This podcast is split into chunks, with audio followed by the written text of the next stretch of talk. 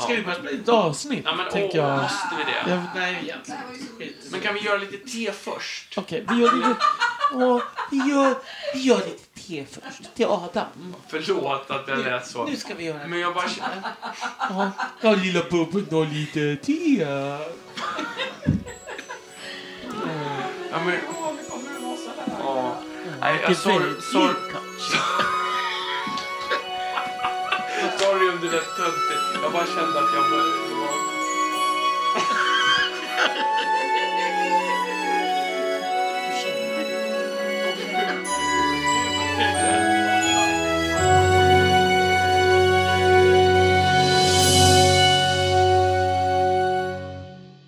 Hej och välkomna till det 35 avsnittet av Tolkienpodden. Och idag så kommer vi att gå på ett kanske lite mer konkret Tolkieninriktat ämne eh, som vi hade tänkt ha redan förra gången, men det fick vi ju ändra på grund av Christopher Tolkiens tragiska och ganska plötsliga bortgång, eller i alla fall nyheten om den. Eh, därför så sköt vi upp det här ämnet till den här gången. Avsnittet vi hade om orkerna för ett tag sedan blev ganska uppskattat och det var någonting som vi också kände oss ganska nöjda med och så alltså, därför tänkte jag att det kunde vara en bra grej att ta itu med en, ett nytt folk eller en ny kultur så här. Som har en ganska central del i ändå. Ja, de dyker in på Känns många viktiga. platser i historien. Mm. Och innan vi börjar ska vi kanske komma ihåg att presentera oss som vanligt. De som pratar är alltså Adam, Elisabeth. Och Daniel. Hör och häpna, det är samma tre människor fortfarande. precis. Det var roligt om det var så här, Adam, Elisabeth och Bertil. det går... Och Bertil! Ja, precis. Det är Daniels nya alter ego. Ja, det, du vet det, vi behöver ny, nytt blod här i podden. Ja. Ehm, Innan vi börjar med eh, vårt huvudämne, dvärgarna, så har vi en stående punkt, eller åtminstone för en bra stund framöver stående punkt. Eh, och den här gången så är det Adam som ska berätta vad han har för eh, Tolkien-relaterad, ja, vad ska vi säga? Rekommendation. Tips. Rekommendation.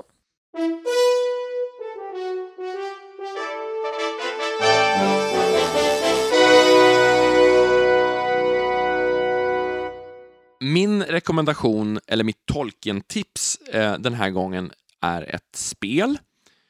Och eh, det är ett, inte ett digitalt spel, eh, utan ett kortspel. Kan man säga. Det är Ah. Lord of the Rings The Card Game, utgivet av Fantasy Flight Games 2011 och sen påfyllt med en mängd expansioner sen- senare under 2010-talet kan man säga. Ehm, och anledningen till att jag tar upp det här spelet är att det är ett av få spel jag har spelat som jag tycker fångar det jag menar är en Tolkiensk känsla relativt väl. Och eh, det är ett lite speciellt spel för att det bygger på att man köper en grundbox som innehåller kort eh, och man bygger lekar med dem på samma sätt som man kan göra med en del andra sådana här samlarkortspel som Pokémon och Magic the Gathering och Yu-Gi-Oh! Men det här kallar de istället för ett collectible card game så kallar de det här för ett living card game. Skillnaden är att när man köper nya kort så vet man exakt vilka kort man kommer att få i, ett, i en expansion snarare än att man köper såna här booster packs som är vanligt i andra kortspel där det handlar om att ha tur. Åh, jag fick den här. Så. Just det. Som gamla samlarkort. Ja, typ. i princip så. Men korten har ju då en spelmässig funktion allihopa. Mm. Och ehm, då, det går i alla fall ut på att man spelar olika scenarier. Man spelar tillsammans, antingen man, kan man spela ensam eller ska man spela tillsammans två personer mot spelet. Eh, Så det är ett sam eh, och spelet spelar emot den, så att säga. Man drar ur en lek som agerar fienden och man har själv byggt en lek som är ens egna tillgångar och allierade och resurser på olika sätt. Man spelar alltså inte mot en människa. Nej, om antingen spelar man ensam mot spelet eller så spelar man två personer tillsammans mot spelet. Det är ju som Sagan om ringen-brädspelet också funkar. Precis, vilket är ett av de andra spel som jag Ja. tycker är eh, Ja. ovanligt bra på att skildra Midgård. I alla fall kan man säga så här att spelet går i princip ut på att man... eh, Det finns ett antal olika hjältar, alltså personer ur Tolkiens Midgård. Det finns några enstaka påhittade nya karaktärer också. eh, som ska ligga i linje med dem. Men det finns liksom Aragorn och Gimli och Legolas och Arwen och Eowyn och alla möjliga sådär. Finns det Och- några hobbitar? Ja, ja, massor med hobbitar Ja. fin, finns med. Och de här hjältarna, de har olika egenskaper, de är bra på olika saker. Och sen så tar man sig an ett scenario, man har tre hjältar, antingen tre hjältar jag själv, eller om jag spelar med en annan person har jag tre och han eller hon tre. Och sen spelar man mot scenariot, man ska samla på sig ett visst antal uppdragspoäng, en sorts eh, progress points, man tar sig igenom uppdraget, och när man har gjort det så har man klarat sig igenom. Men man drar hela tiden kort ur den här motståndarleken som motarbetar den på olika sätt. Fiender att strida mot, eh, platser som man måste färdas förbi för att kunna fortsätta med uppdraget. Mm. Och här har de fått in liksom Tolkiens det här, allt det vandrandet som är så typiskt för, för. Sagan, Sagan om ringen har kommit in på ett väldigt tematiskt sätt. Och då, kan, varje gång det är ens tur så måste man göra olika saker. Och man spelar ut andra av sina kort med hjälp av sina hjältar som, som skapar resurser åt den. Och de här hjältarna använder, man, man så att säga eh, applicerar dem på olika uppdrag. Vissa hjälper uppdraget framåt, andra strider mot fiender som ligger ute och andra gör ytterligare specialsaker, helar andra karaktärer eller vad man nu kan göra. Och sen kan man få ut allierade och då kan vara alla, allt möjliga som det kan vara en Haldir? Go- ja, men, nej, men det är inte bara, det kan vara så här Gondorian Spearman Ah, och så här, du vet, allt förstår. möjligt sånt där. Och, och dessutom så är det så att korten, de egna korten är uppdelade i, liksom i fyra spheres, alltså fyra typer av kort. Och då, de är Spirit, Lore, Leadership och Tactics. Där de här fyra olika korten, sorterna av kort, är bra på olika saker. Tactics-kort är bra på att strida, eh, lore-kort helar ofta, alltså spirit-kort är bra på de här uppdragsbitarna.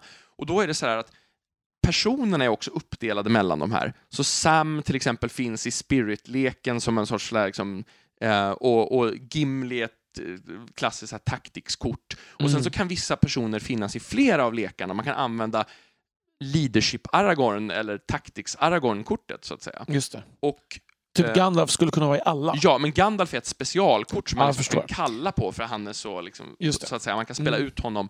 Och det, kan, ja, det finns vissa sådana regler, aldrig samma person kan finnas Mm.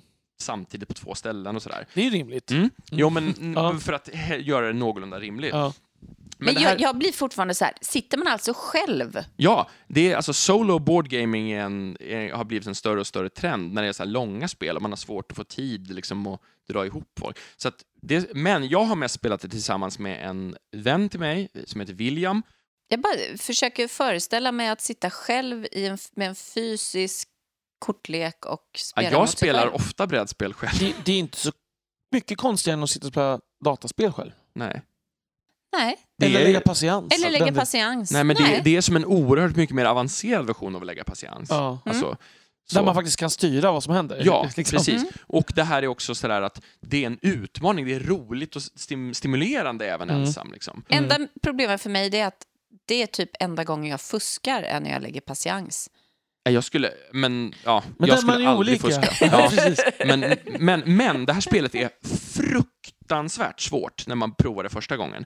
Men man blir också bättre. Man, mär- man märker att Mm. det som var omöjligt i början klarar man bra sen. Och jag måste säga att jag tyckte vi var väldigt bra när vi, nu har vi inte spelat på ett antal år, men eh, vi hade blivit väldigt duktiga för vi hade spelat det mycket och man, man inser, ja, ah, det, det här som verkade så omöjligt var ju bara att göra så här och sådär Mm, och man, man mm. blir verkligen bättre och känner att man utvecklas. Just det. Och de har verkligen konstruerat spelet så på ett finurligt sätt att det, det är stimulerande och intressant och utmanande och det behåller nästan alltid känslan av att det här känns som en rimlig tematisk applikation av Midgårda teman. Liksom Mm.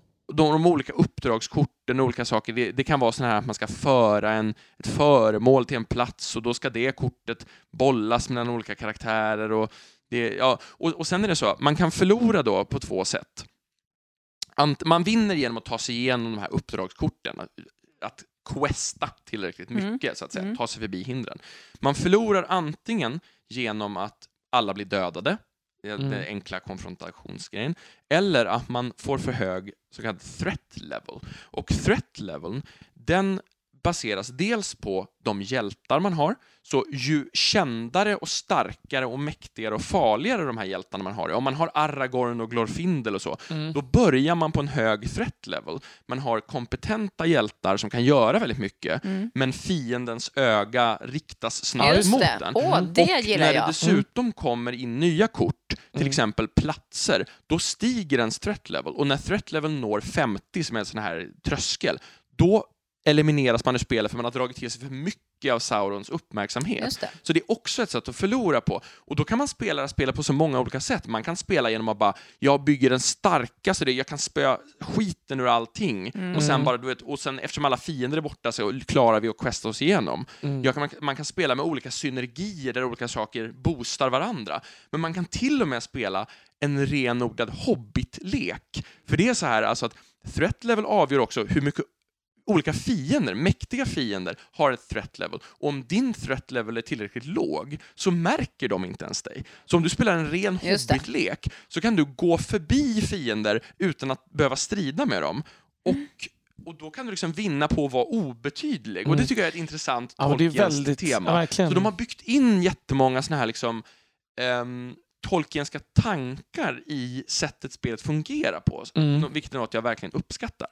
Spännande. Får, får jag fråga, är Ja. någon slags, finns det någon slags slutmål att, att förstöra ringen? Eller är det inte ens en Nej, quest? alltså grejen är så här, jag, det, är, det finns otroligt många olika scenarier. Ja. Och vi, vi, jag, tror, jag minns inte hur många vi spelade, men de, de är liksom indelade i olika kampanjer. Det finns liksom en Moria-kampanj Mm. och sådär.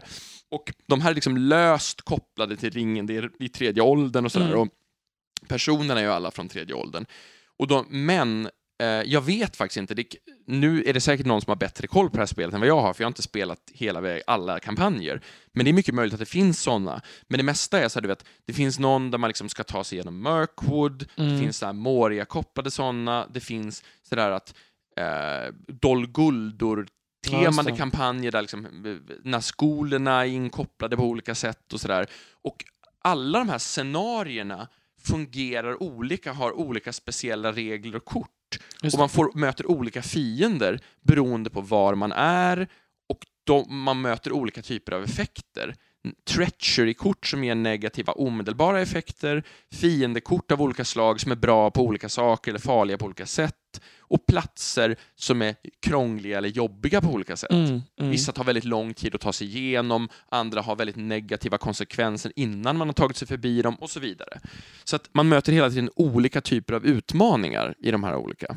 Men det känns ju på din beskrivning, nu har jag inte spelat det alls, och det finns ju någonting i det som påminner ändå lite om det här brädspelet Ja. i det att men det, för, mm, bortsett från att det är än mycket öppnare. Så att säga. Ja, och större. Eftersom det liksom inte är låst vid de här äh, speciella eh, platserna. Precis, i alltså det, det är väldigt, väldigt öppet och stort. Men jag uppskattar verkligen brädspelet och det kanske kan bli ett av mina senare Tolkien-tips Mm, också någon mm. gång. Och det brädspelet vi syftar på det är alltså eh, The Lord of the Rings, The Board Game, eh, som är skapat av eh, Rainer Knizia. Mm. Och det eh, finns också på svenska, helt ja. ja. Sagan om ringen. Precis, och det är det första av de här samarbets, stora samarbetsspelen. Man kan, inte, han uppfinner inte konceptet, men han är helt klart den som skapar genren. Mm, mm. Och det har blivit väldigt populärt med cooperative board games, där man Mm. spelar tillsammans mot spelet. Och det här tycker jag är ett, det här kortspelet är ett av de bästa samarbetsspel jag någonsin har spelat. Mm. Hur lång tid ungefär skulle du säga att det tar att spela? Det beror jättemycket på vilken kampanj man spelar och hur mycket man tänker och sådär, men jag upplevde väl att en genomsnittlig omgång tog någonstans mellan en och två timmar kanske. Ehm, men sen var det så här, man förlorar ju fruktansvärt mycket framförallt i början och då måste man försöka samma, samma äventyr många gånger. Så det kunde vara så att ibland när vi inte hade så mycket tid, då spelade vi en gång. Ibland när vi hade jättegott om tid kunde vi prova tre, fyra gånger på samma och till slut, ja nu klarar vi det, nu är vi klara för idag. Sådär Mm. Mm. Just det. kan man säga. Det är som att komma vidare i plattformsspelet på datorn. Ja, liksom, nej, men lite så. till- Ja. Ja. Och, och det intressanta är ju att för att man kan bygga lekar på olika sätt så kan man testa, ja, den här, det här kortet var inte så bra, jag byter ut det mot det här kortet. Och så måste man också tänka på, de måste samspela med de hjältar man har, för de genererar olika resurser baserat på vilken sfär de tillhör. Så man måste kunna spela ut sina kort också. Mm. Så att man drar något slumpmässigt, men då får man tänka statistiskt. Vad är sannolikheten att jag får det här kortet när jag behöver det och så vidare. och så finns det begränsningar kring hur många man får ha av varje kort och så. Ja, spännande. Det får vi prova någon gång. Absolut. Ja, det, det, det, jag kan verkligen rekommendera det här och man, om man köper grundboxen så får man mycket för pengarna tycker jag. Man får fyra grundläggande startlekar av de här olika spheresen som man också kan blanda med varandra och bygga nya lekar och man får ett gäng scenarier att börja med. Så Mm. att utan att köpa några som helst expansioner så får man verkligen testa på om det är någonting man gillar. Liksom. För bara en brädspelsbox full med kort och så. Har vi någon prisuppgift? På en relativt känd bokhandel med fantasy och science fiction-tema som finns bland annat i Stockholm Mm. och, och Göteborg, och, ja, som finns i Stockholm, Göteborg och Malmö, ni kan nog lista ut vad det är, Ja. eh, så kostar det 419 kronor på hemsidan.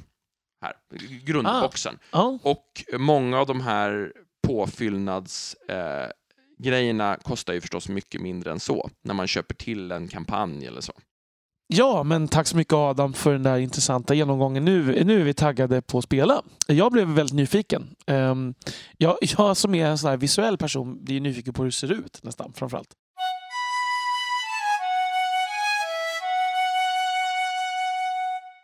Men eh, nu är det dags för att traska vidare till nästa ehm, segment, det vill säga huvudämnet i avsnittet som alltså är Naugrim, dvärgarna. Eller Gonhirim. Ja, precis. Kärt barn har många namn, särskilt eh, i Tolkiens värld.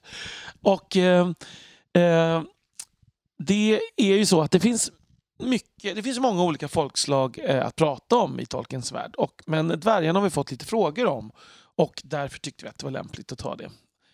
Um, så vi kommer uh, försöka täcka in lite olika delar, uh, prata om dvärgarnas historia och och kultur och så och sen eh, se om vi kan eh, se lite grann var kommer inspirationen ifrån och har Tolkien några epigoner vad gäller dvärgar? Skulle det kunna vara så? Precis, ja. det får vi se Ja. helt enkelt. Det, det, den som lever får se. Vilken Så. cliffhanger du skapade där Daniel. Verkligen. Ja. Om man eh, ska börja och prata om ett folkslag så känns det väl rimligt att börja från början. Eh, så hur skapades dvärgarna och av vem? Dvärgarna är ju då inte släkt med människor och alver utan de är ju skapade av Aule.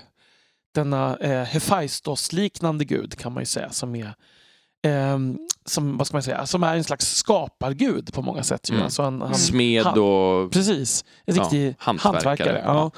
Och han får då för sig att skapa det här folkslaget. Ehm, Och han, han får ju för sig att skapa dem när han har, liksom, har fått han är så, så sugen på att de här Iluvatars barn, alltså Mm. alver och människor, ska komma, Mm. så han skapar någon sorts sin bild av dem innan han har sett dem. Det är lite Mm. som ett så barn som, som bara öppnar julklappar på kvällen innan julafton. eller och, och som försöker imitera det Ja, de exakt. tror så att föräldern har tänkt Ja, sig. Så, precis. någonting åt det Ja, hållet. det blir en väldigt konstig liknelse. Men Ja. då, eh, den haltade lite. Men, men i alla fall, då är det så att eh, Gud fader då, Eru, han får nys om det här. Mm. Och, eh, Överraskande. Ja, verkligen. Eftersom han är någon slags allsmäktig. Allseende gud, ja. Mm. Eh, så eh, han, eh, han kommer ju och förmanar Aule helt enkelt och Aule höjer då sin hammare för att han tänker att han ska slå ihjäl de här eh, dvärgarna som han har skapat. Och när de då kurar ihop sig så, eh, och blir liksom livrädda såklart, vilket är ju rimligt, så,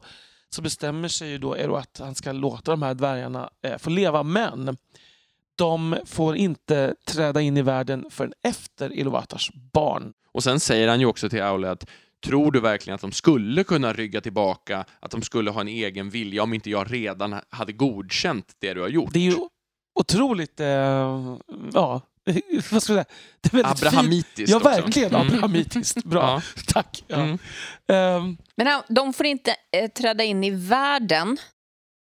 De får inte vakna innan Mm. alverna. de är ju men de vakna är ju där. Ja. vakna. Det var dit det- jag det ville har komma lite. ifrågasatt. Ja. Alltså, ja, men de måste sövas ner och får inte vakna liksom på riktigt ute i Nej, världen. nej, Utan han placerar ut de här sju dvärgfäderna Mm. då.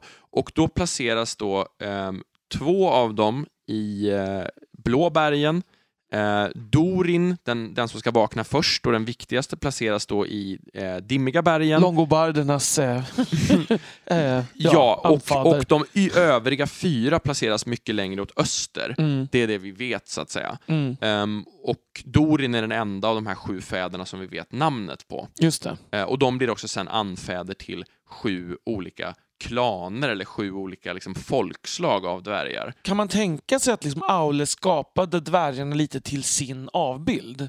Ja, det får Alltså, man nog tänka. För, för då får man ju verkligen igen den här, jag, jag sa det utan att ha tänkt igenom det särskilt, den här Hephaistos-bilden Mm. av, en, av en gud som är lite liksom satt och kort Krum och, och- krum och mm. skäggig och, och bastant på något Mm. sätt och, och starka överarmar typ. Ja. Så. Men sen kan man också tänka sig att det är ju, oavsett om det är, han, om det är till hans avbild eller inte, så är det ju ändå det är ju hans silat genom hans förförståelse av vad eh, liksom, Ett folk, ett, folken, ett folk ska vara. Ja. Så på något sätt är det ju hans Hans inre, smak. hans, in, ja, hans Ja. inre tanke, precis, Mm. blev ju det här. Så det säger ju någonting om honom oavsett om han ser ut så eller inte, för han kan ju klä sig i Ja. vilken skepnad han vill. Exakt. Så det säger något om hans inre åtminstone. Ja.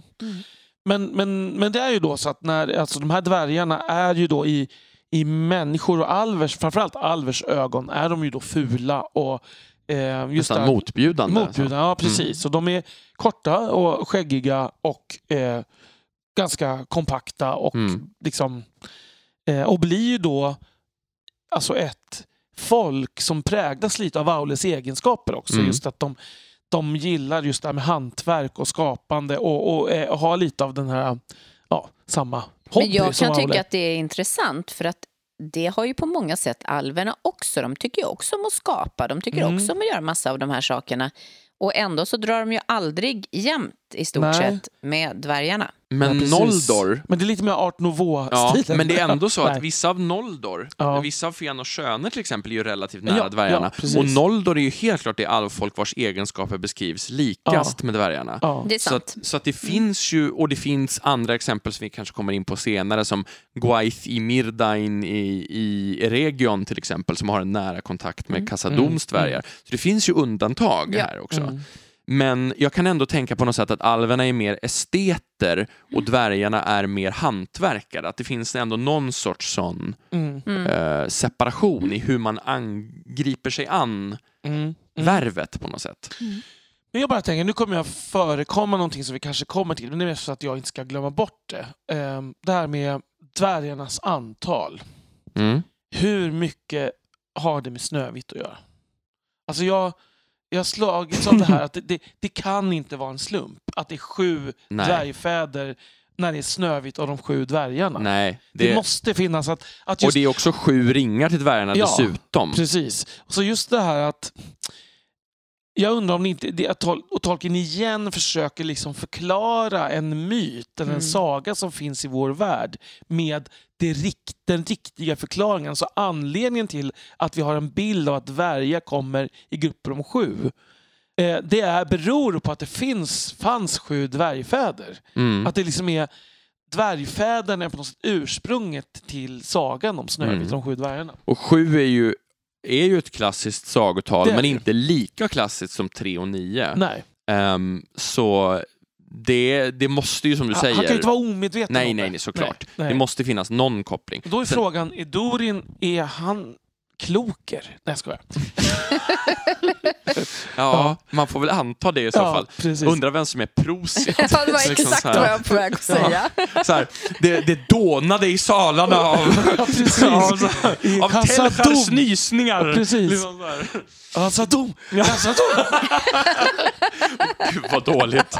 Ja. Ja, förlåt. Ja. Det var kul men, men Ja. dåligt. Precis. Men, ehm, vad ska jag säga? Jo, de här, ehm, man kan säga av de här sju dvärgfäderna och de här sju folken Mm. så är det ju egentligen bara tre av de här folken som sen, senare kommer in i historierna.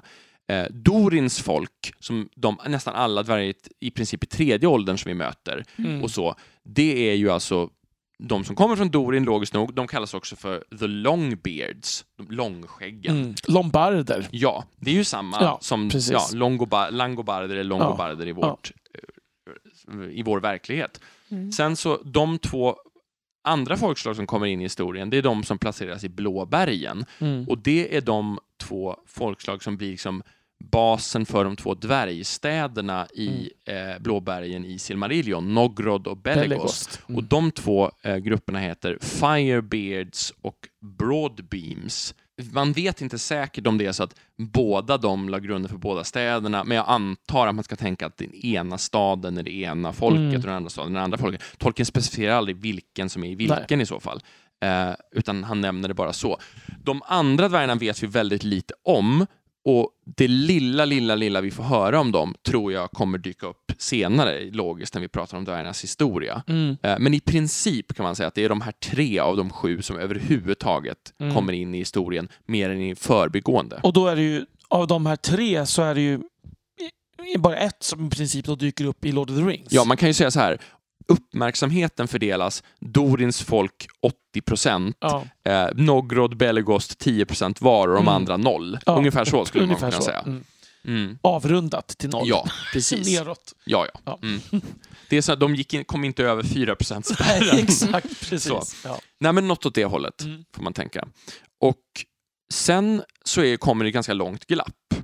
Mm. Vi vet att dvärgarna får vakna först efter att alverna har trätt fram i Koivenen. Mm. Ehm, och man kan anta, baserat på lite olika ledtrådar, att det ändå att Dorin och de andra fäderna ändå vaknar relativt kort efter alverna. Mm. För att till exempel så, skapa, så börjar ju Dorin grundlägga Kassadom väldigt, väldigt tidigt. Och det verkar finnas väldigt tidigt och har funnits ett tag redan när man hör talas om det här. Så det betyder nog att de vaknar eh, relativt kort efter alverna. Sen Det kan känns ju, ju väldigt logiskt. alverna får höra om Kassadom, alltså alverna i Beleriand senare i Silmarillion får höra om Kassadom Mm. liksom, österifrån. Och de kommer också i kontakt med dvärgarna i de här två städerna, Nogrod och Belegost, som är alltså, är dvär, eh, som är alltså är alvernas namn på städerna. Just det, precis. Medan Kassadom är ju dvärgarnas Ja, egna det namn. kallar ju alverna sen för Moria, Mm. eh, det svarta djupet eller svarta hålet. Ja, precis. Inte så smickrande kanske. Nej. Och de egentliga namnen på eh, Nogrod och Belgost är, är då Tomuntsahar och Gabilgathol. Och här vet vi inte helt säkert var betoningarna ska ligga. Nej, precis. an, kanske Tomuntsahar och Gabilgathol. Mm. Men Det är min spontana känsla. ja, det, jo, men det kanske ska vara Annars så. skulle det vara Sirac Sigil. Ja, till men det, det stämmer nog. Ja. Mm. Och eh, Gabilgathol då Mm. kan vi Vi kanske säger säga. så. Ja, Vi vi ska bli bestämmer rättade av någon dvärg i framtiden. Ja, precis. Men i alla fall, så de här tre, eh, alltså Casadom kommer ju egentligen inte in i historien i Silmarillion mer än som ett vagt rykte österifrån.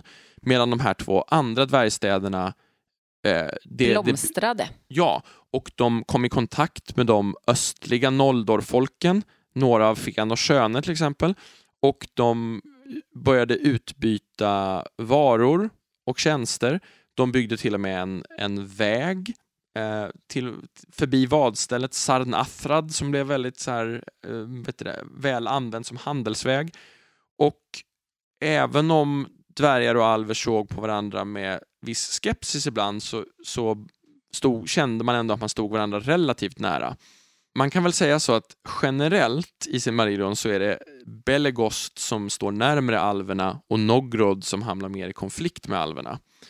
Eh, Belegosts kung, Asagal, han stupar till exempel i Nirnaith Arnoidiad Mm. och det är Belegosts dvärgar som med sina eh, eld vad heter, det? eldmotståndskraftiga järnmasker lyckas stå emot eh, Glaurung, draken. Mm. Och- Undrar om det är de som är Firebeards då, möjligen? Ja, det är möjligt, kanske. Mm. Ehm, och medan vet du, det, Nogrods dvärgar, den kändaste historien med dem, det är ju att de dödar Thingol. Mm. Och sen så blir det som en sorts straffexpedition som bland annat leds av Beren. Och det är också enda gången enterna kommer in i Silmarillion. De, de lämnar skogarna och angriper Nogrods dvärgar också efter mordet på Thingol i hans egna hallar. Och det, det är förstås tillagt efter att Lord of the Rings skrevs, då får man ju förmoda, Mm. Ja. av tolken. Men, De går in för på grund av mordet på Thingol. Ja, de kommer in där. Det känns väldigt oentiskt. Men den här historien, det är också, alltså dvärgarna, det kanske vi ska säga, det kan vi stoppa in här, att dvärgarna finns ju med i tol- tol- bland Tolkiens väldigt tidiga skrifter. Mm. Redan i The Book of Lost Tales finns ju dvärgarna.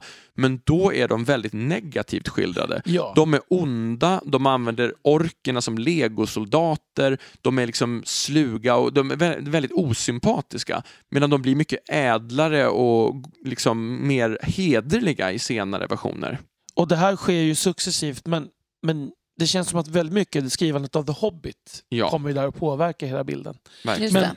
men det jag tänker på är att de här dvärgarna som kommer att ha rejäl Thingol ju, som är ju en som kommer ju från de här tidiga versionerna. Men grejen är att det här är ju inte en helt svartvit historia. Alltså den är ju ganska nyanserad på många sätt. Det är inte så att Thingol är en schysst snubbe som Nej, de nej, kommer att nej. mörda. Utan han försöker ju också lura dem. Ja, han försöker alltså, totalt blåsa Ja, dem på deras exakt. betalning och de blir vreda och dödar ja, honom. Ja. Mm. Så, det, så här finns ju, kan man säga, någon slags konflikt som, som känns liksom lite mo- modern realpolitiskt nästan. Ja, precis. Ehm. Och det, det, precis det blir, men det, de beter sig inte schysst innan Nej, heller, nej, utan nej, båda sidor har en del av skulden Mm. redan innan mordet kan man Ja, säga. exakt. Mm. Ehm, Nu blir jag sån här, jag bara får, det är för länge sedan jag läste de här delarna. Men vilka är det som bara lägger ner vapen och det är Belegosts dvärgar efter att Azaghal har stupat i Nirnaeth Arnoidia, det här stora slaget mot Just det. Morgoth. När han har han har stupat under Glaurung men knivhuggit Glaurung så att han lämnar slagfältet. Då, går, då bär Belegosts dvärgar bort Azaghal under sorgesång och bara lämnar slagfältet och ingen vågar försöka stoppa dem. Just det. det. För det tyckte jag var mäktigt. Mm. Det är en liksom stark Ja. bild på något sätt här. Ja. Och, men, och jag tycker om den här grejen med att deras masker gör att de är de enda som kan stå emot drakelden. Mm, Det tycker jag mm. också är en häftig En bild. cool detalj. Mm. Mm. Det är en sån här detalj som, skulle de göra en filmatisering, skulle de göra, suga ut mesta möjliga av den detaljen. Ja, men det skulle bli bra på Ja, film. precis. det skulle bli väldigt bra på Ja, film. men när draken kommer och elden kommer och och, alla står... skriker och springer och sen kommer Kommer de så här, med sina och så, ja, med så Mm. dramatisk musik och Ja, de kommer in med stora svarta masker. Det Precis, är ja. jättecoolt. Och det skulle ju egentligen krävas ganska lite för att göra något maffigt av. Ja. Jag skulle ju säga att den här delen som jag skulle hoppas, eller som jag själv gillar då, när Mm. de lägger ner vapen och bär och, och liksom så. Där skulle det kunna bli ett extremt platt fall om man gör det Mm, fel. absolut. Och samtidigt sjukt häftigt om man gör det rätt. Mm. Men här hade de ju verkligen kunnat göra någonting om de haft lite koll på bakgrundsmaterialet när de filmade The Hobbit och drog ut på, den- på den boken till tre Mm. jättelånga filmer. Tänk om de har liksom vi har Asagals svarta masker. Vi, vi kan Ja. stå emot Smaug. Alltså man hade verkligen kunnat eh, hitta någon. Undrar om de hade fått använda Ja, det det, namnet Ja. dock. de, men de- men svarta maskerna De hade kunnat säga, ja men så här, järnmaskerna Ja, of our of forefathers. Ja, Men då ska vi komma ihåg att det här inte är då Longbeards. Men där, kom, där kan vi knyta in till vad som händer sen. Mm. För i slutet av Silmarillion, när, när Silmarillion tar slut så besegras ju Morgoth av att västerns herrar, alltså Valar, kommer med sina arméer. Och sammans, eh, liksom, ma- sammandrabbningen mellan dem och mörkrets herrar bryter ju sönder Beleriand och havet rusar in.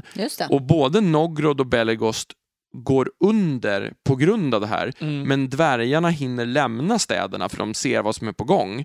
Och de flyr österut. Och de flesta av de här då verkar sugas upp i Kassadoms Longbeards. Så man kan säga att de här tre folken verkar i Blandas princip upp. bli till ett Mm. ehm, efter att Silmarillion eh, tar slut. Så, det, det så man skulle ändå kunna hävda att de här folken kanske finns kvar i någon form, även om de har integrerats i Kassadoms Ja, ja, kultur. precis. Mm. så. så där skulle man kunna haft Ja, de de maskerna kunde haft ändå. maskerna med sig. Ja.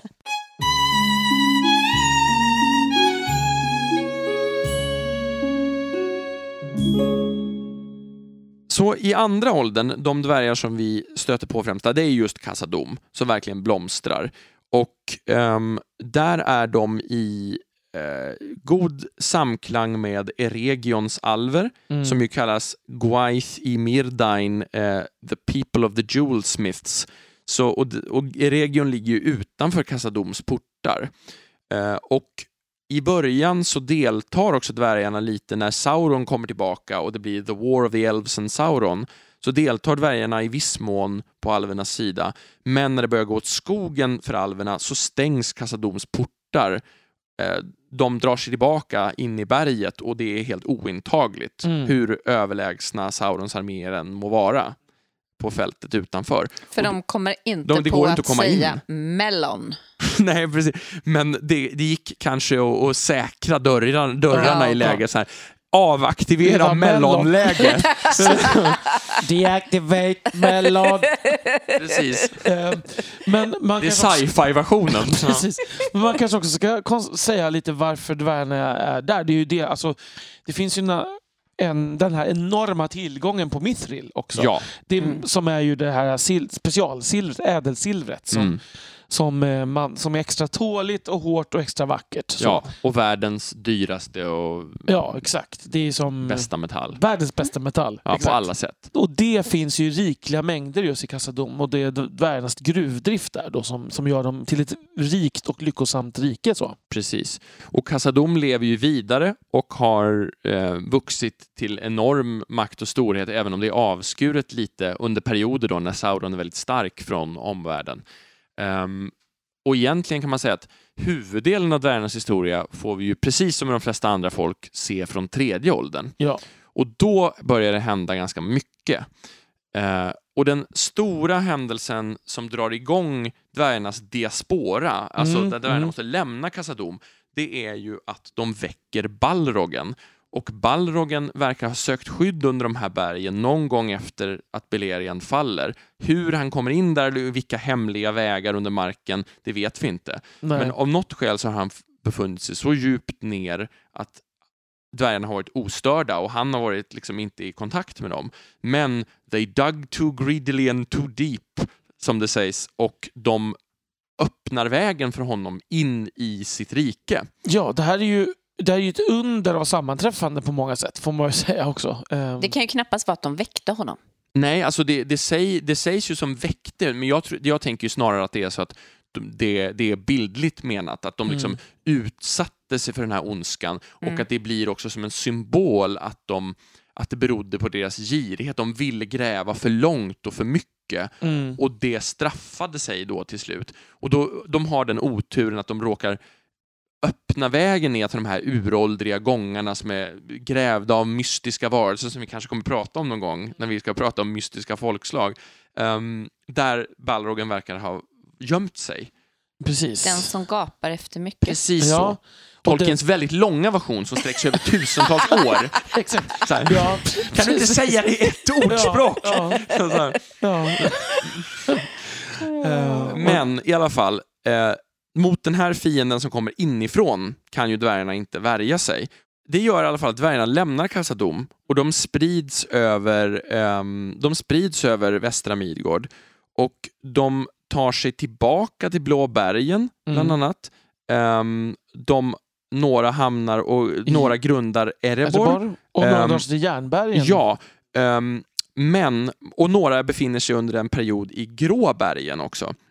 Man kan säga att, dvär, att Dorins folks kungadöme, alltså kärnan av var liksom dvärgarnas konung finns, flyttas alltså från Kassadom till en väldigt kort period till Erebor, sen därifrån till Gråbergen, där det befinner sig ett antal generationer. Eh, där blir de utsatta för drakar Mm. ehm, och måste lämna Gråbergen och tar sig då, eh, alltså då tar, sig de, tar de sig tillbaka till Erebor, sen kommer Smaug och då, måste, då försvinner de därifrån igen. Men varför lämnade de Erebor första gången?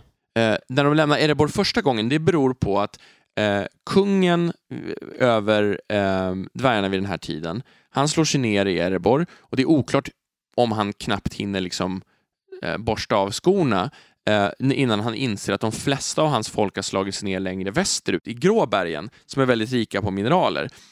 Och då väljer han att liksom flytta efter till där majoriteten av folket bor och flyttar då hovet till till Gråbergen, men då drakarna gör det omöjligt att stanna där.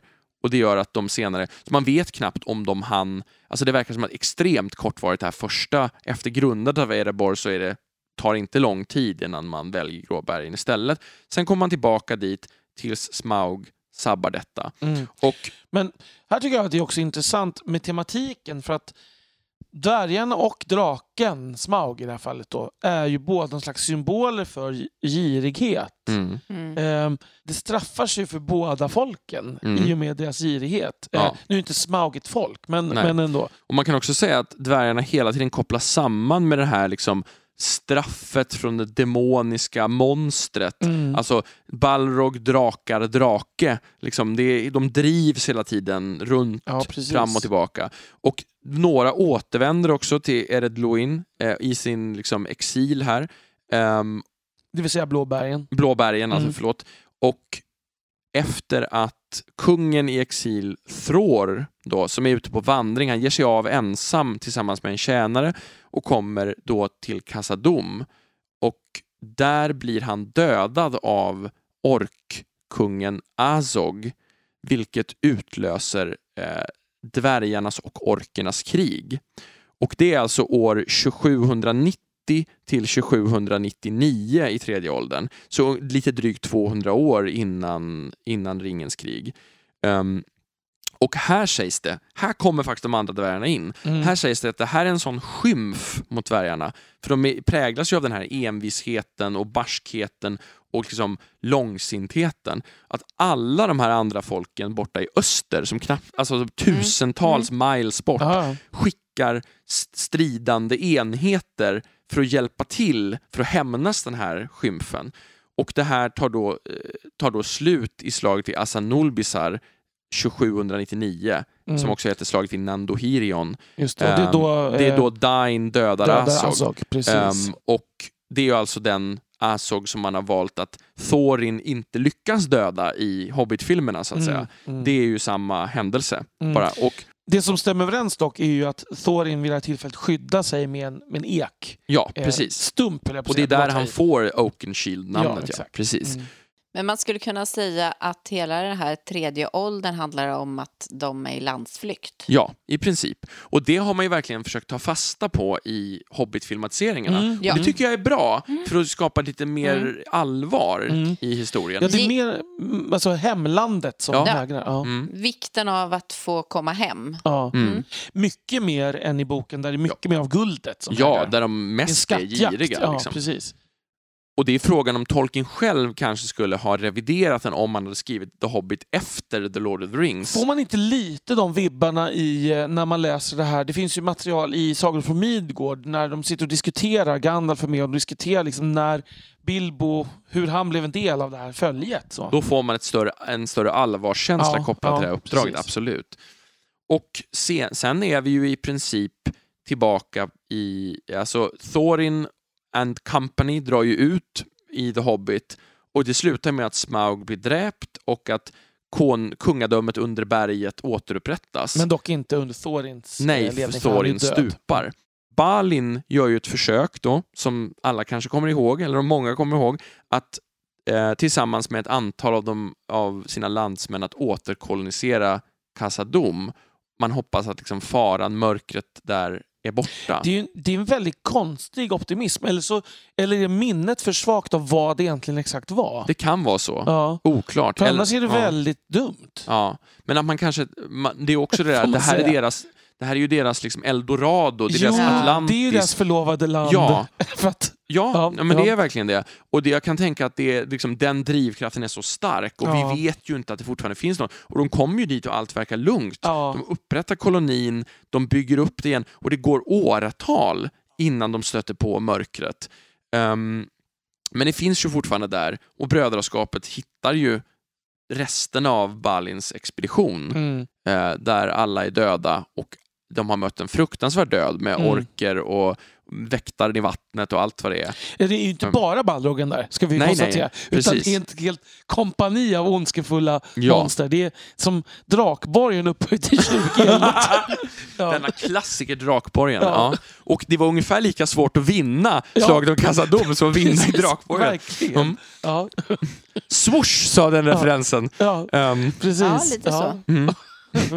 det finns ju även i Drakborg så här rum som, man inte, som, man kan, som blir en återvändsgränd som man inte kan komma ut. Precis. Så får man tillbringa hela spelet och så dör man när solen går upp. Eller vad är det? Solen går ner, jag kommer inte ihåg. Men i alla fall, och där, sen är ju då, det finns ju då dvärgar som, som, som lever under Dain Mm. i, du, det, i Erebor.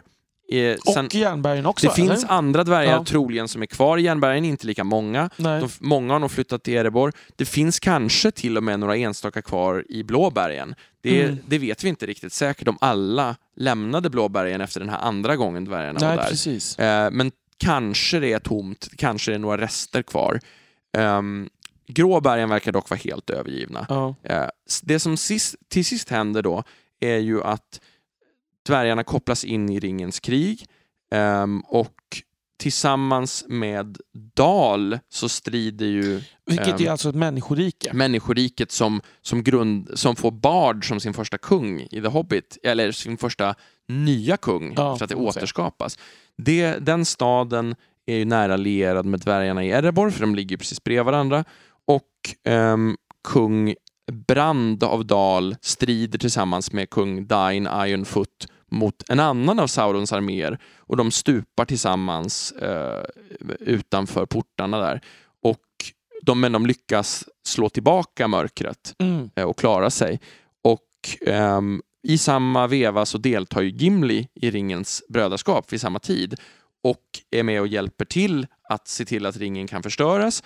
Och på det uppdraget så hittar ju Gimli också glittrande grottorna, Mm. Ehm, Aglaron. Just det. Aglarond, Mm. Mm. eh, som han eh, vet du det, råkar hitta när han eh, retirerar tillsammans med Rohirrim djupare in i berget i Helms, slaget vid Helms Deep.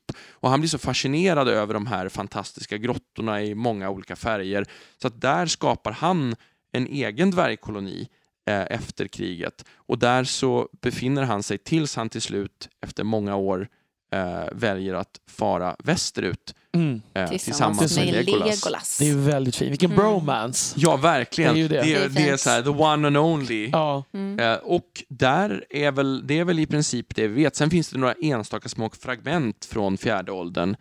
Eh, men de, ja, det är bara små detaljer här och där. För det kan man säga att det i det som liksom gavs ut under Tolkiens liv, så det sista vi vet om dvärgar i princip, det är Gimli som seglar över havet. Precis, men det finns en berättelse om att Kassadom återupprättas ju Mm. och att eh, den, de har ett fantastiskt rike där tills dvärgarna så att säga tynar bort Ja. på samma sätt För som det alverna. var faktiskt vad jag tänkte. Ungefär hur många dvärgar tänker man sig att det fanns?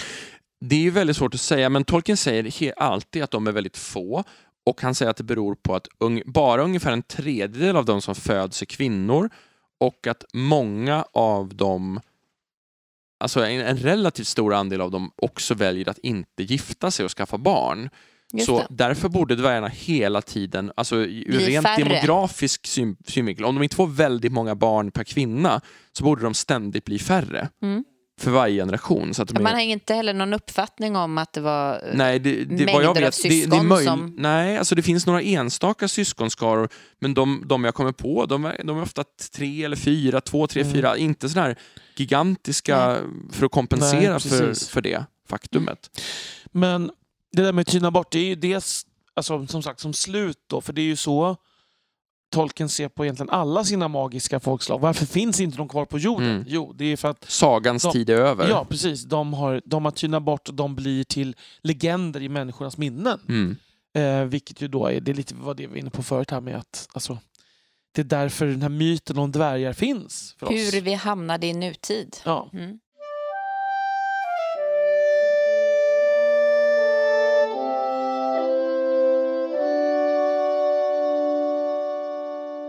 Det du sa där om dvärgkvinnor, det är en av de sakerna som faktiskt stämmer, som känns som ett, något, ett tillägg i filmerna. Men det är ju ändå så att dvärgmän och dvärgkvinnor är svåra att skilja på för en som inte är dvärg. Ja. Ehm, vilket ju gör vi vet ju liksom inte, även om de benämns som han, och det är tolken eftersom han levde i en annan tid och var konservativ. Men jag brukar ju ändå leka med tanken att det kanske döljer sig dvärgkvinnor bland Mm. de dvärgar vi liksom vet namnen på. Eh, för att an- det är ju annars en intressant liksom, kulturell sak att de är så lika. Så. Mm. Och det, det måste ju nästan betyda att dvärgkvinnor också hade skägg Ja. eh, eftersom alla dvärgar vi möter beskrivs som att de har skägg Mm. och annars skulle det vara jättelätt att skilja på dem. ja, precis. Mm. Verkligen. Om det, ja, om det var... Ja. Det är jättesvårt, man ser inte skillnad. Jag har för sig några har skägg och de andra har inte det. Men Ja, nej, men precis, men det är just det. Ja. Det, må, det måste ju vara den logiska konsekvensen. Ehm, och det är också intressant tycker jag det här att han har valt att det föds så, så, så få kvinnor bland dem. Eh, den, för det säger han ju rakt ut, det är ju inte det att det är så många som man misstar för Nej, andra, utan det är precis. Tolkien som ger läsaren den Mm. informationen. Nej, Frågan är vad det beror på. Vad, och liksom, finns det någon symbolik i det som jag inte kom på nu? Jag kan tänka att det är Tolkiens förklaring på det här att dvärgar är så extremt maskulint associerade Mm. i de inspirationskällor han har, alltså Mm. nordisk Ja, myt. Att Ja. de är alltid små gubbar Ja, som är kopplade till hantverk och, och sånt. Men det kan vi komma in på när vi Mm, pratar mer om mm. inspirationskällor. Men, men i övrigt då, så alltså, just det här att de är skapade av Aule som vi var inne på där, att de blir det här hantverks och krigarfolket kan man nästan säga ju. Alltså, men, men, men krigarfolket känns ju mer av det att, av tvång. Ja. De är nödda och tvungna till Men de beskrivs flera gånger som liksom eh, the most redoubtable of warriors, alltså att, det liksom, alltså, att de, de beskrivs som väldigt, eh, väldigt eh, gjorda, passade, anpassade för att kunna kriga. Mm. Och den, deras starkaste egenskap av allt sägs redan i Silmarillion att Aule skapar dem för en hård värld. Han vet att Morgoth regerar världen där ute Mm. och att det gäller att deras huvudsakliga egenskap är att de är motståndskraftiga mot allt. De är hårda i sinne och kropp, så att säga. Och de skapar ju i sånt som är hårt. Alltså de, Ja. Det är ju metaller och det är sten. Mm. Ja, de, de, de skapar leksaker, de skapar... Ja. Ja. men ty, ja. Sen tänker jag så här, eh, var de är och hur de gör och, och, och sådär. För det fanns ju de här smådvärgarna också. Mm. Ja. The Petty Dwarves. Och det är ju en jätt, ett jätteintressant sidospår. Kommer de överhuvudtaget då från... Ja, alltså The Petty Dwarves är ju ett, ett folk som vi får stöta på genom de sista av folket, smådvärgarna. Det är alltså eh, Mim och hans eh, söner Kim och Ibun som vi möter i eh, Silmarillion. Osympatiska, förrädiska små dvärgar. Ungefär som dvärgarna då var i, i, i generellt i Tolkiens tidiga skrifter. Ja, kan man precis. Säga. Mm. Och man kan säga att det, det vi vet om de här smådvärgarna, det var att de var ett sorts folk som hade blivit utstött från dvärgfolket. De hade blivit utkastade ur dvärgarnas städer och de, det här var deras liksom ättlingar. Och de, det stod, Tolkien skriver att de hade blivit utkastade antingen för att de var liksom osympatiska eller för att de var defekta på något sätt. Att de liksom Mm. inte, det, var, alltså det är nästan De lite så här måttet. rashygieniskt, Ja. liksom, att de var för ja, undermåliga. Liksom. Att de fick inte vara med längre. Och de blir en sorts liksom, utstött landstrykar... Jättekonstigt ja. att de inte blir så sympatiska. Nej, precis. Precis, ja. precis. Ehm, de, det beskrivs också att de jagas av alverna, för de stöter på dem innan de stöter på de riktiga dvärgarna inom citationstecken.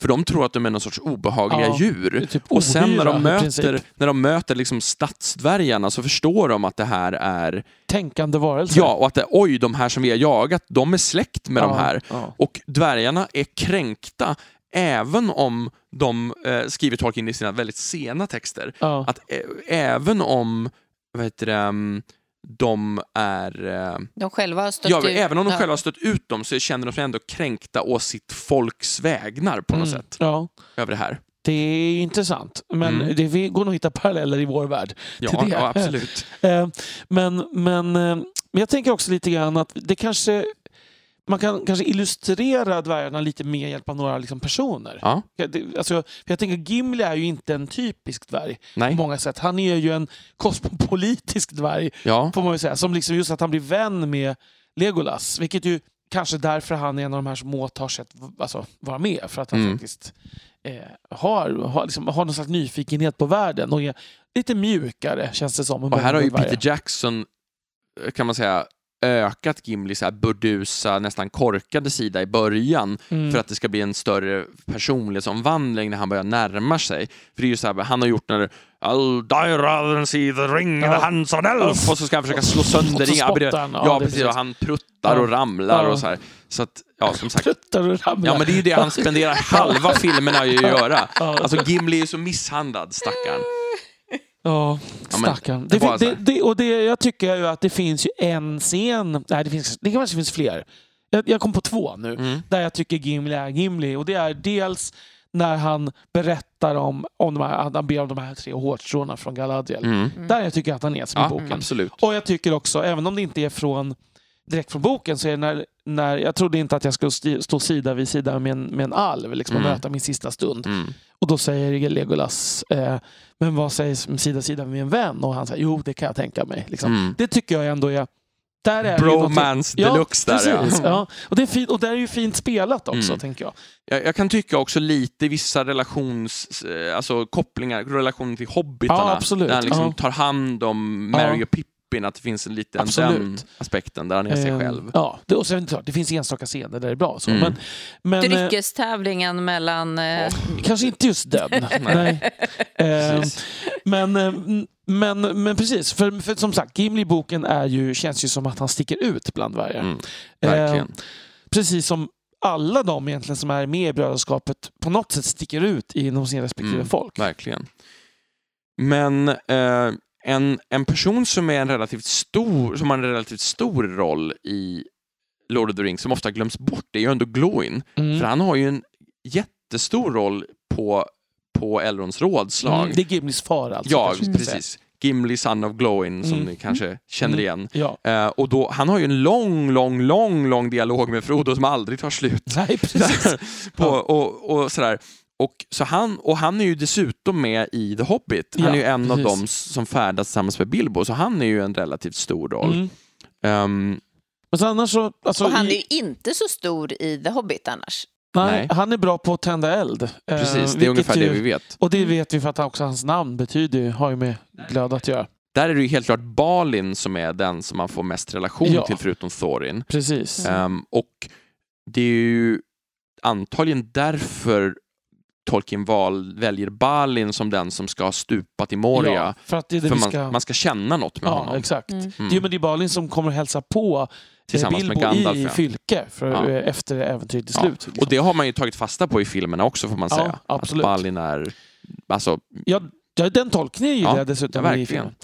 Ehm, men Thorin, han känns ju som en mix av mycket av det som är typiskt dvärgiskt. Dels det här liksom envetna gnetandet efter guld. Ändå. Det Ja. finns ju, även om det är väldigt förstärkt i filmerna, Ja. så är ju någon slags vi ska hitta vårt guld igen, så Ja. våra skatt. Så. Men också det här ehm, trofastheten och principfastheten och eh, hjältemodet ändå. Som Ja. är, och är, han säger ju det att det är svårt att bli vän med en dvärg när man väl är det så håller det liksom. Ja. Och att de är envisa och långsinta men, men också även i andra riktningen. Alltså att de Mm. lämnar den inte i sticket och sådär. nej, precis. Och de, de är oerhört han, han kallar dem ju både för stern, alltså stränga, och proud. Alltså de är inte helt lätta att umgås med. De, de skapar konflikter ibland och så. Och de minns oförrätter i evighet. Mm. Inte lätt att tas med. Den, är det den enda dvärgkvinnan som nämns? Är det Dis? Ja, det är Som den enda och kvinnan som vi vet mamma. säkert. Ja, Eh, och, ja, precis. mm. Och hon är ju då Thorins syster. ja precis. Ehm, alltså annars, där vi, vi, för ett antal avsnitt sen så hade vi, pratade vi om språk, men det kanske ändå är värt att repetera att dvärgarna har alltså ett eget språk som heter kustol, som ju är ett hemligt språk som de lär ut till extremt få utomstående, egentligen Mm. inga alls, några stycken enstaka. Och att de i, så att de har det här hemliga språket. De hade ju också det här hemliga teckenspråket som Mm. de kunde kommunicera med. Som Eh. gör att vi inte vet någonting om det. För det är hemligt. Ja, det är väldigt lite. Det finns ju enstaka ord och Mm. uttryck och sådär. Ehm, men sen då att i dvärgen i övrigt kommunicerade ju de på, på liksom det allmänna språket. Så. Eh, så att de namn som dvärgarna har i eh, till exempel i The Hobbit är ju inte deras riktiga namn. Utan det är tagna namn som liksom används utåt sett. Ehm, och då är just kan man ju ändå nämna då att de här namnen är ju då tagna i princip allihopa från Eddan.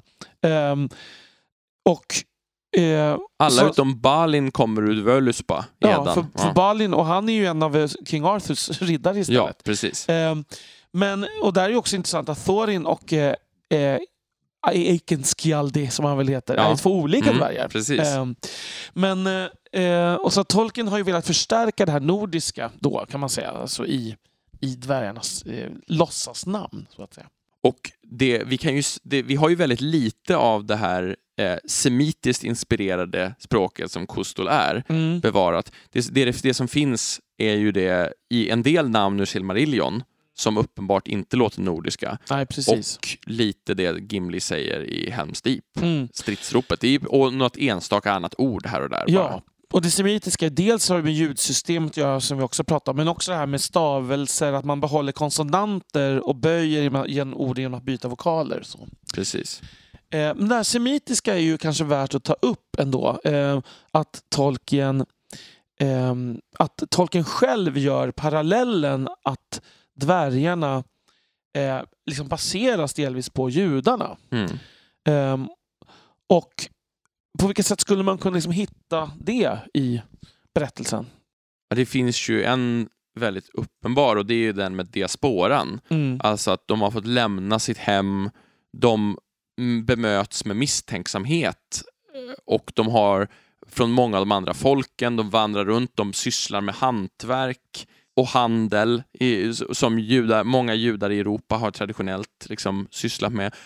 Det är också det att de har det här hemliga språket. Precis, och de har Och- en uråldrig kultur som de bevarar i minnet. Ja. eh, Och, en, och en, en gud som ser dem som sitt utvalda folk. precis, och, ne- och, och sen det här att de vill tillbaka till Kassadom sen också. Mm. Det är ju som den här eh, judiska där man säger nästa år i Jerusalem. Mm. Alltså man tänker liksom innan man fick komma tillbaka. ja, så att säga. Precis. Att man, det är den här längtan tillbaka till det, ja, Men, och även urhemmet. Erebor är ju Till det på lova. något sätt Precis. också. Det förlovade landet på ett, an, ja, Ja, på ett annat plan. Flera olika. Man kan Ehm, väl säga att Erebor är, är som en liksom mer lättillgänglig version av det här mytiska Kassadom nästan. Ja, ja, Mm. ja precis. Mm. Det kan man ju säga.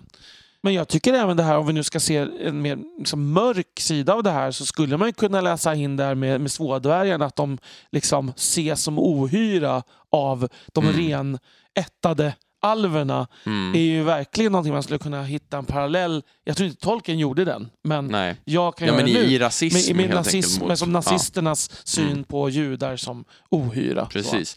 Och dessutom så, så kan man ju säga om man ska tänka sig en rasistisk stereotyp Så. här Mm. så skulle man ju eh, kunna tänka det här med liksom kopplingen till girighet som, som är en stereotyp som ofta har lyfts kring judar. Att, att Tolkien i, i någon sorts tidsanda också mer eller mindre omedvetet har gjort den också, Ja.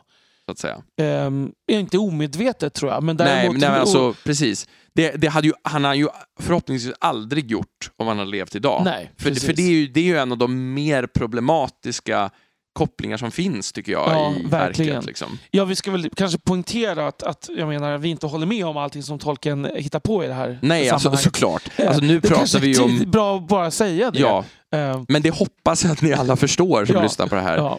Ehm, Men, men vi ska också säga att den bild som Tolkien ju har av judarna är ju en slags positiv stereotyp på många Ja. sätt. Som i sig är ju, alltså stereotypen i sig är ju inte positiva, men den klassiska, hans klassiska bild är ju det här att han, han till exempel då när han får eh, frågan från Nazityskland om man kan intyga att han inte har något judiskt påbrå så säger han att han beklagar att han inte har liksom något, någon härstamning från det här begåvade folket. Mm. Så. precis, och Eh. det är ju... Det Han verkligen... vill inte förstärka nidbilden. Nej, precis. Nej, han, och han, han är ju extremt hård i det brevet. Om man ska säga någonting mer om dvärgarnas kultur så har vi fått en fråga som vi kan väva in här nu som har att göra liksom med vad som händer med dvärgarna efter döden och sånt där. Och då kan vi prata både lite om dvärgarnas begravningsriter och vad, vad som sägs kring Mm, döden. mm. Och då är det så att dvärgarnas norma- det får vi reda på efter slaget i Asanulbisar får vi lite information kring det här. Och då är det så att dvärgarnas normala sätt att begrava är då i sten, inte i jord. Alltså man lägger dem i någon, någon sorts antingen röse eller kanske någon till och med stenkammare. Liksom. Mm. De vill inte begrava sina döda i jord. Men efter Och slaget i stänger As- in dem helt enkelt. Ja. Precis, något åt det hållet. Mm. Men efter slaget i Assa Nulbis här har man så många döda så det här är omöjligt. Så man måste bränna dem. Och även om det här är någonting som de känner går emot vad de vill göra med sina döda så blir det en någon sorts omvänd stolthet där vissa pratar om så här någon av sina förfäder eller släktingar som har “he was a burned dwarf” betyder att han föll vid Nulbisar liksom, för Mm. den dvärgiska saken. Ja. Eh, och det, det är ju, det, det tycker jag, det här är ju när Tolkien är som skickligast på worldbuilding, där han med en liten fotnot får någonting att kännas, Ja. trots att det är liksom, han har bara kommit på det i stunden. ja, precis. Men det är som att det här är på riktigt. Ja. ja. För det känns så autentiskt på något sätt. Ehm, sen vad som faktiskt händer med dem, det vet vi faktiskt inte. Alverna tror att eh, i någon sorts rasistisk eh, liksom, inställning tänk, tänker jag att ja, dvärgarna liksom in, är gjorda av sten och att de återgår till stenen de kom från. Mm. Sådär. Medan Det känns som dvärgarna, en sagoförklaring. Ja, liksom. precis. Mm. medans dvärgarna själva, deras berättelse är då att Aule, som de kallar för Mahal, att han samlar dem i särskilda delar av Mandos hallar, alltså de här dödssalarna dit alverna kommer och stannar och dit människorna, där människorna passerar igenom. Och i åtminstone de versioner där det fanns ett så att säga tolkienskt Ragnarök, som heter Dagor Dagorath, så berättade också dvärgarna att de skulle vara med och hjälpa Aule att återuppbygga världen efter den här undergången. eh, Så de här hänger där och striden. väntar lite. Ja, tills att de ska Mm. återuppväckas på den sista dagen. Precis. Men som sagt, vi vet ju inte hur det egentligen Nej, var. det här är dvärgarnas myt om sig Ja, själva, så ja. vi får inte det här som en historia från Tolkien som sanning, utan det är Nej. det dvärgarna berättar. Men det, vi, får, vi får aldrig så att säga sanningen, medan vi får veta mer, vi får veta väldigt tydligt kring alverna och lite vagt i alla fall om människorna. Ja, en annan aspekt av dvärgarnas kultur som vi ser ganska mycket av i, eh, i böckerna, det är ju eh, dvärgarna i krig och det har vi redan nämnt. Men ehm, eh, dvärgarna att de är också de är vapensmeder och de är krigare. Vi nämnde ju de här järnmaskerna som Belgost dvärgar använder sig av. Jag Det- tänker yxa. Ja, yxa är ju, stridsyxan är ju det vapen de är mest associerade med och det är ju ett vapen som är liksom kopplat till styrka och tunga hugg och sådär, inte lika mycket elegans. Så. Men det man ändå glömmer kanske är att vi ser dvärgar som strider med svärd Mm. i The Hobbit. Vi ser dvärgar som använder bågar. Ehm, och vi ser att som använder såna här mattocks, alltså som vi har pratat om tidigare, en sorts stridshackor. Um, de är också ofta beskrivna som tungt rustade, att de har de, har de bästa eh, vet du det, ringbrynjorna eh, många gånger och de skyddar sig på det sättet. Så de är väldigt svåra att besegra därför. Um, och även om de är få så får man bilden av att de, liksom, de är ihärdiga, de är tåliga krigare och de är, Ehm, de, de är väl rustade som är svåra att besegra. Och därför så är de liksom en kraft att räkna med trots sitt lilla antal hela tiden. En, en intressant aspekt är ju det här att om man utgår från vad som skulle vara rimligt rent taktiskt så borde ju dvärgarna strida med spjut. Mm, det här är en av dina käpphästar. Ja, det är det ju. Ja. Men, men det finns, och det finns andra Ja, som har gjort den här reflektionen absolut. också. Det finns någon kille som har någon YouTube-kanal som har pratat om det här också. Men, Men, visst tog du upp det här ihop med vapen? ja, men precis. Men man kan ändå tänka så här att dvärgarna är väldigt starka. Därför borde de kunna bära någonting som har tyngdpunkten väldigt långt från kroppen. Mm. Och de är väldigt korta, vilket skulle vara deras största svaghet i strid mot personer med längre räckvidd. Alltså vore det väldigt logiskt att strida med någon typ av stångvapen. Ehm, men det kanske Tolkien inte reflekterade över överhuvudtaget. Jag tror om inte liksom dvärgar associerats med yxor innan Ja. tolken. Alltså att det kommer därifrån. Och man kan också Eh, tänka att det är hantverksbilden ja, precis. också, det Att där man- med att man mm. hugger och hackar. Det tänker och- jag. Mm, absolut. Nej, men jag köper det som förklaring. Ja. Jag bara tänker att om, om jag vore eh, krigsminister Ja. i, I Belegost. i, i Belegost så hade jag liksom satsat på en, på en utbildning av stångvapenstrupper för slagfältsbruk. Mm, ja. Eftersom jag tänker att det hade liksom ökat våra chanser i en hård och, och ogin värld. Ja, precis. Men, men dvärgarna associeras ju faktiskt inte bara med, med det här med vapen. Vi har ju varit inne på leksakstillverkning och sådär. Men de är ju också, eh, alla dvärgarna i The Hobbit är ju också skickliga musiker. Utan de kommer, de kommer ju där med sina speciella instrument med flöjter och fioler och eh, Thorin spelar ju på en enorm vacker harpa, vilket ju han ju inte gör i filmerna kan man säga. Eh, så att det är inte så att dvärgarna inte uppskattar det sköna och det vackra. Eh, vilket ju också kommer igen i Gimlis beundran för Galadriel såklart. Att det här med skönhet och även det är ju det de skapar mycket så är det skönhet de är ute efter.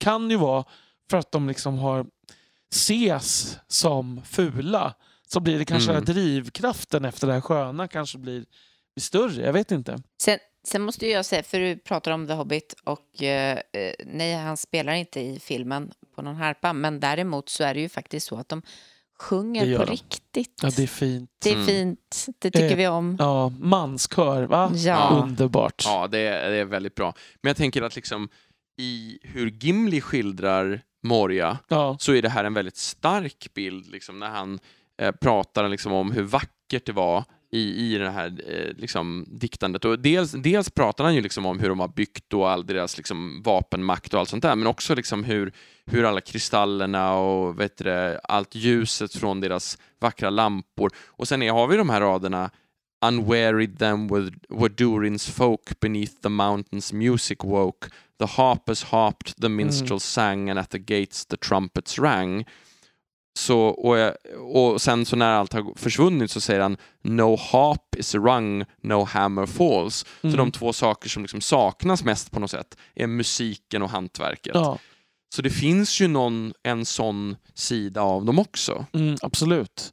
Ja, det, den säger ju till och med jag tror att det är i början av The Lord of the Rings när de pratar just om dvärgar som sjunger sånger från främmande land. typ. Och man kan ju fundera på om Tolkien gjorde någon typ av parallell här, skulle kunna göra en parallell till det judiska här också. Att det, det finns en gammal, man är bärare av en gammal tradition som lever vidare genom berättelser och kanske sånger, alltså den typen att sånt blir extra viktigt när man är spridda över världen. Ja, precis. Alltså så att man försöker liksom hålla traditionen vid liv.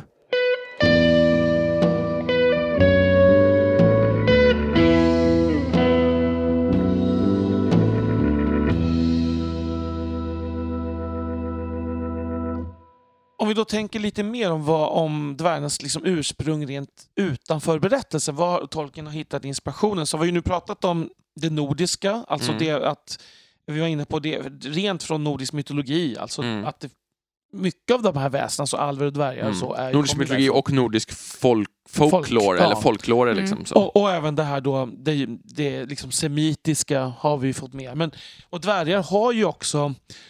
Ja, Och, alltså- och sago. Ja, precis. världen. För, det är ju, för jag känner ju att det är ju liksom nordiska dvärgar ändå filtrerade delvis genom bröderna Grimm-dvärgar. Ja. Någonstans. Och det är det jag menar med folkloristik, Ja, ja. alltså att de har liksom vuxit vidare från Mm. hur de skildras i nordisk mytologi. För att de...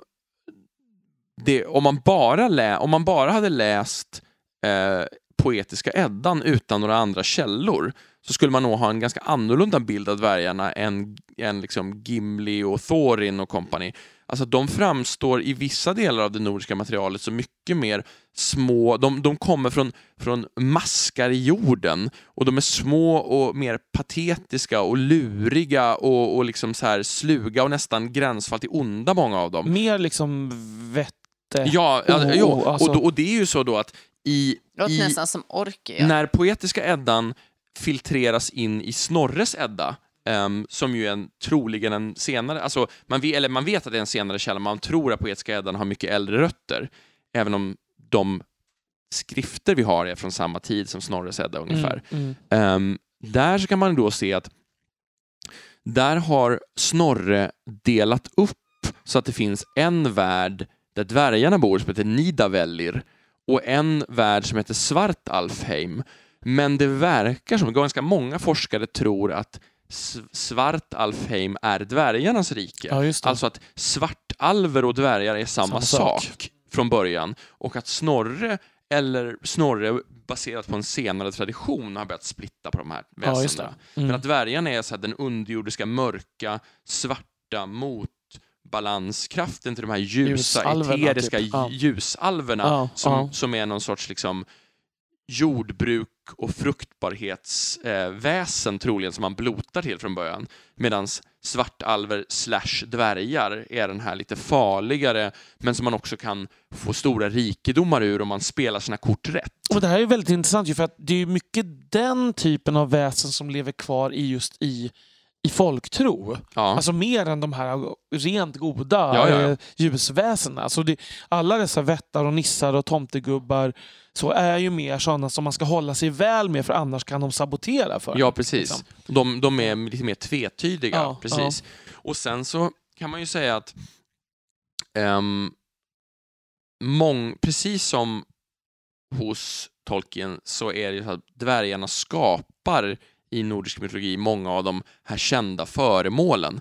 Till exempel så Tors hammare Mjölner ehm, och eh, Odens spjut Gungner och eh, ett antal andra, eh, ringen Draupner och ett gäng Mm. andra föremål. De skapas i en liksom eh, gåvotävling mellan, mellan Loke och en dvärg som liksom han har slagit vad med. Ja. Mm. Ehm, och de blir ju sen jätteviktiga föremål i nordisk mytologi. Så de här magiska, förtrollade, fantastiska verktygen och vapnen och så, de kommer ur dvärgarnas eh, vet du, riken. Och det är samma sak hos Tolkien ju. Ja, det är väldigt tydligt. Det, ja. det, det, och då- och då har vi till exempel den här smeden Telchar från Nogrod som smider dolken eller kniven som Beren Mm. eh, det, använder för att bända, Bända loss Silmarillion ur ja. Morgoths krona. Just det. Och så allt de gör till Thingol och sådär. då, som- Precis. Så att det, de är ju väldigt förknippade med sånt. Och det är ju, ja, alltså det, det, de, de här, det, det kan vi se också, du vet att de, de här magiska runorna, de, det finns ju det i liksom de här dikterna också, att liksom de är, eh, har vävt in sin hantverksmagi i föremålen. Ja. Liksom. Mm. Och det är ju en intressant är att alverna och dvärgarna båda gör det. Att det är sådär att deras magiska egenskaper genom hantverket hamnar i föremål som möter människans värld. Ja. Kan man Mm. säga. Och det känns ju som något som är väldigt rotat i folktro Mm, och mm. mytologi. Mm. Men jag tänker också utseendemässigt så undrar jag liksom vad det här med... För jag menar, de, den närmsta parallellen är ju nästan som Jenny Nyström-tomtar. Alltså Mm. på något sätt det här med luvan och ett, och ett skägg. Och Ja. liksom, men när uppstår det här att... För jag menar, det har de ju även i Snövit, i Disney Snövit så Mm. är ju, är ju dvärgarna, de har luva och vitt skägg. Och där, där tror jag att det beror på tomtar, för det är en, han som designar mycket till Snövit, han är ju svensk. Så jag undrar liksom var kommer det här liksom, det utseendet ifrån? Hur långt tillbaka sträcker sig det? Eh, Ja, jag tror att det är någonting som kommer gradvis. För Mm. att det finns ju inga sådana saker överhuvudtaget från det vikingatida materialet. Nej, nej. Utan det är någonting som har hänt på vägen mellan kristnandet och bröderna Grimm. Ja. Att det troligen har jobbat sig åt det hållet. Det har kanske blandat sig ihop med den här hustomten och alltså nissen. Olika sådana har liksom inspirerat varandra på olika sätt. Och det finns ju, vad heter det, ja, och där, där skulle man ju helt enkelt behöva göra en stor, det finns säkert olika alltså, forskningsgranskningar kring liksom, tidiga bilder och sånt här, men sån forskning finns sällan innan 1800-talet. ja, just det. Eh, Det finns, då kanske man har lite tur om någon råkar nämna sånt här. Ehm, så det är lite svårt att säga exakt varifrån det kommer, men den här kopplingen till sten och berg och metall och, så, och smide, det finns ju Det redan sedan ja. Ska vi, ska vi gå åt andra hållet då? Var, var kan vi hitta eh, efterföljare? Det, det, snarare, var kan vi inte hitta efterföljare i, i, liksom, i den här genren? Alltså det här har ju blivit en nästan ännu mer än orken, alltså, Ja, alltså otroligt efterapad bild. ja. För att Tolkiens renodlade form av dvärg är ju inte riktigt samma som sagodvärgen ändå. Nej. Och, och i princip all fantasy som är någorlunda så här traditionell bara tar dem rakt av. De är alltid hantverkare, de är alltid skäggiga, de är alltid lite tjuriga och, men lojala. Ja. De är nästan alltid goda, men ibland med en liten sån här farlig twist. Ja. De, de, ja, alltså, och de finns i, i datorspel, de finns i brädspel, de finns i serier, de, fin, alltså, de finns ju överallt. Och jag, jag gillar ju, ja, som vanligt då, tar jag alltid upp Terry Pratchett. Som ju också väldigt mycket upp det här med att de, kvinnliga dvärgar ser ut som manligast. Just Mm. att de har skägg och så. Att det, det blir också... Jag gillar ju Pratchetts böcker, kulturkrocken som också alltid uppstår. Liksom, mellan, mellan det här på något sätt kvasimoderna samhället som på något sätt uppstår i böck, under böckerna Ja. och de här enormt gamla konstiga traditionerna som liksom folk tar med sig in när de flyttar in från liksom, dvärgarna som flyttar in från sina gruvsamhällen till storstan Ankh-Morpork Mm. som ju är typ London. Mm. Eh, hur det liksom där alla de här konstiga varelserna som möter varandra. Att det här det- krockar med Ja, liksom, vad ja. man har tänkt om världen och Precis. så. Mm. Eh, jo, men och, och jag menar, där har vi ju vissa väldigt inflytelserika exempel som är, mycket, som är de, som, tvärt emot Terry Pratchett som alltså leker med de här bilderna. Mm, Alltså, mm. alltså dvärgarna i Warhammer-världen till exempel är ju, de är, alltså, det är så otroligt, alltså alla deras Dwarven Holds, de heter sådana saker som Karaknorn. Ja, och de, de, de, de försöker inte ens dölja att de bara Nej. snor namnen rakt av, för att man ska känna igen dem ja, precis. Ja, det är meningen. Och, Vad och, tror du det beror på? Var, varför har man just eh, plockat dvärgarna? ja, man har gjort i princip samma med alverna, tycker jag. Ja, okej. Så de Mm. två, det är väl för att de är, så, de är så viktiga i Tolkiens skrivande och Tolkien har blivit så otroligt dominerande. Så det här är sånt som Mm. alla känner igen och som alla Mm. därför är fascinerade av och vill använda sig av. Och så pass olika varann. Ja, Ja, det är de är precis ju något Det kontrasten. blir Motpoler. Ja. precis. Mm. Och de finns i alla rollspel också, Drakar och Demoner, Dungeons and Dragons, massor med andra, mm, Eon och... Men kan det också bero på att de faktiskt är en, en, en baserad på något äldre? För jag menar, Mm. även om visst, det finns ju motsvarande halvlängdsmän och hobbitar och sådär även. Men, men dvärgar och alver är ju en äldre liksom, motpol. Ja. Så att som kanske då är enklare att liksom bara ta rakt av utan att det Precis. känns som man stjäl nej, men, nej men verkligen. Det är skulle väl... man säga hobbits, eh, då är det ju liksom copyright-intrång i Mm. princip. Men halflings har ju blivit Absolut, väldigt vanligt ja. sådär. Men, men inte alls lika vanligt. Nej. För dvärgar och alver blir, är så, så centrala och det tror jag du har rätt i. Att det också, dels så är det enkelt för man kan låtsas som att man inte bara snor av tolken Mm. och dels så slår det väl an någon sorts resonans i folks un, kulturella undermedvetna. Jag Ja, förstår vad jag ja, menar med det. Jag förstår vad Ja. jag menar med det. Absolut. Mm. Att, liksom att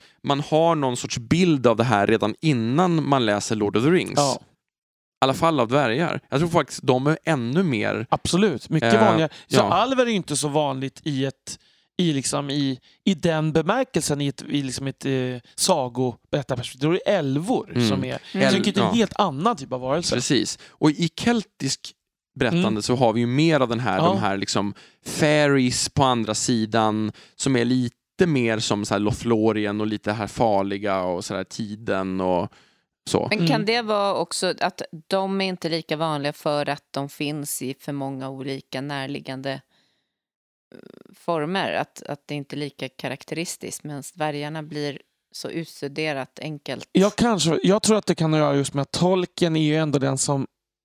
Alltså dvärgarna har levt kvar... Alltså alla vet eh, vad Snövit och de sju dvärgarna är för någonting. Mm. För att alltså för dvärgarna har hängt med oss hela tiden. Mm. på ett annat sätt. Jag tror alverna i den, i den vad ska vi säga, eh, bild som de nu har i, i vårt medvetande, de baseras ju mer på tolken än vad dvärgen... Alltså, förstår Ja, du vad ja, jag ja. menar? Ja, absolut, skulle jag säga. För att, jag menar, alverna hade ju nästan försvunnit i, någon, i den form som Tolkien skildrar dem, eller Ja. kanske knappt någonsin funnits till viss del Nej. i den form han skildrar dem, medan dvärgarna har han bara tweakat lite grann. Ja, ja. Ja, precis. Mm. För att vi vet egentligen otroligt lite om nordiska alver. Alltså det finns, det finns nästan ingenting. Man vet att det har funnits alfablot, man vet att de har någon sorts koppling till Frej för att han styr i Alfheim. Vissa tror att de är samma som vanerna. Det finns en koppling till himlen och ljuset.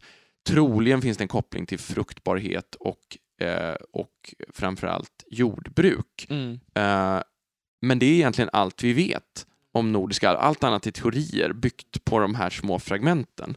Och det finns också vissa historier som gör enstaka figurer till alver senare, eller sådär smeder och så här konungar så.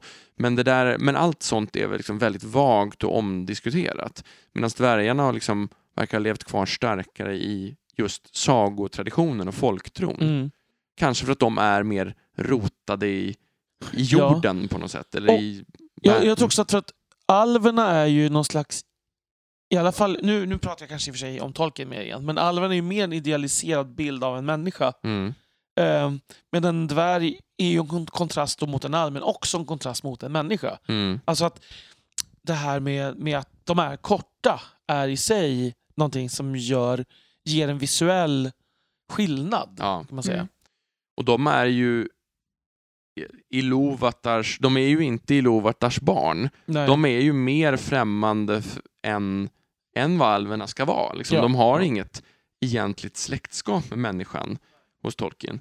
Sen är det intressant, det är en sak som jag reflekterat över några gånger, att dvärgarna i nordisk mytologi kanske man mer ska sätta i relation till liksom jättar, jotun, ja, att vi har enorma versioner av människor och väldigt små. Ja, Och det är, no det är någonting, liksom, det är ett sätt att tweaka människor på. Medan i till exempel grekisk mytologi så blandar vi människor med djur. ja. Kentaur, minotaur, faun. ja satyrer och Ja, satyrer menar jag, fauner är ju anpassning av det. Nej men alltså den typen av, det är olika sätt att skapa sagoväsen på ändå.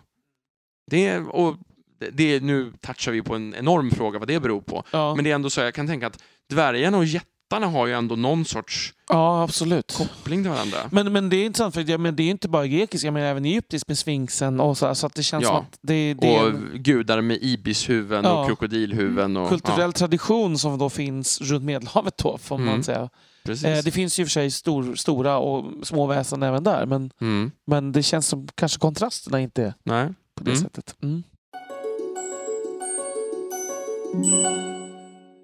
För den som är väldigt fascinerad av det dvärgiska och vill ha mer av det i, som ett, ett lite bonus Tolkien-tips.